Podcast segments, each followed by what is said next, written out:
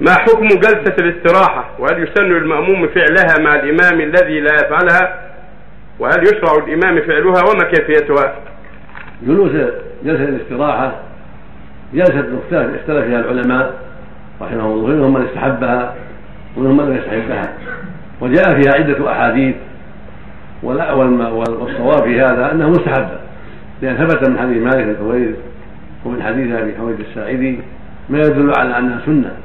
وصفتها أنه صلى الله عليه وسلم كان إذا قام في الركعة الأولى من السجدة الثانية جلس قليلا كهيئته بين السجدتين ثم نهض.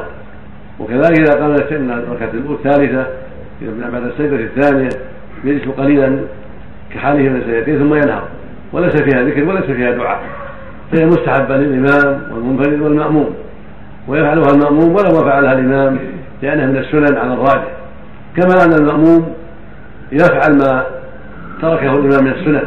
فلو أن الإمام مثلا ما رفع يديه عند الإحرام أو عند الركوع أو عند الرفع منه أو عند قيام الشهادة الأول الثالثة لو أن ما رفع في هذه المواضع فإن السنة المأموم يرفع. سنة ثابتة عن رسول الله صلى الله عليه وسلم رفع اليدين إلى حيال المنكبين أو إلى حيال الأذنين هي سنة. يفعلها المأموم والإمام والمنفرد.